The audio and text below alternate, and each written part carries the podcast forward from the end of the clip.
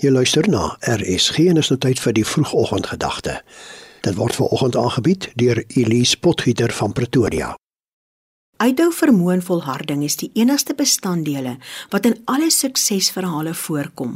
Die res is net bydraend want die wêreld is vol talentvolle mense sonder sukses, vol geniale en opvoedkundiges met geen storie nie.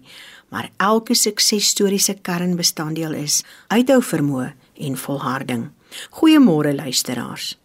Daar is 'n baie ou bekende verhaal wat vertel word van die haas en die skilpad wat op 'n dag mekaar uitgedaag het om aan 'n wedren deel te neem. Die twee het beklei oor wie die vinnigste is. Die woudse diere het met 'n groot guggel by die wenstreep gaan staan. Niemand wou eers met mekaar wed oor wie gaan wen nie. En toe die skoot klap, het haas met 'n vinnige spoed weggespring. Langs die pad het hy besluit om so bietjie te rus, want wat was nou die haas? Vinnig het die moegheid hom oorval en het hy ingesluimer. Voetjie vir voetjie het die skilpad gestap. Later verby die slapende haas en tot die groot verbasing van elke dier in die woud het die skilpad die wenstreep oorgesteek en as wenner die trofee vasgehou. Haas was so skaam en verneder dat hy nie eens die wedloop wou vertooi nadat hy sy groot fout agtergekom het nie. Die meeste van ons wil ons assosieer met die skilpad. Maar die eintlike les lê eintlik daarin dat sukses nie daarin lê om talent te hê nie, maar om talent te gebruik. Om met jou talent te woeker. Die haas het 'n groot fout gemaak om so staat te maak op sy vermoë dat hy die belangrikste bestanddeel, naamlik deursettingsvermoë en volharding nie besit het nie en ook nie ontwikkel het nie.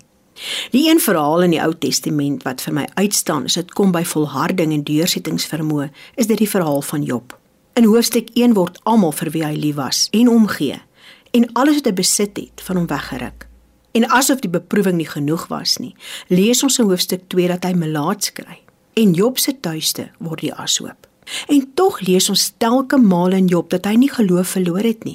Selfs sy vrou het gesê: "Bly jy nog steeds vroom? Vervloek God en sterf." Maar Job het haar berisp en vasgehou aan sy vertroue in God Almagtig se betroubaarheid.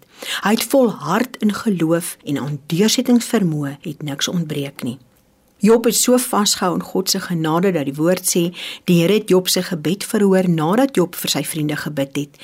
Het die Here die omstandighede van Job verander en hom twee keer soveel gegee as wat hy gehad het.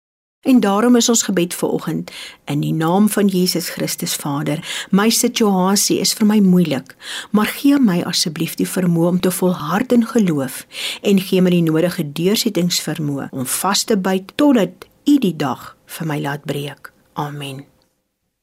Dit was dan die vroegoggendgedagte hier op RSG, aangebied deur Elise Potgieter van Pretoria.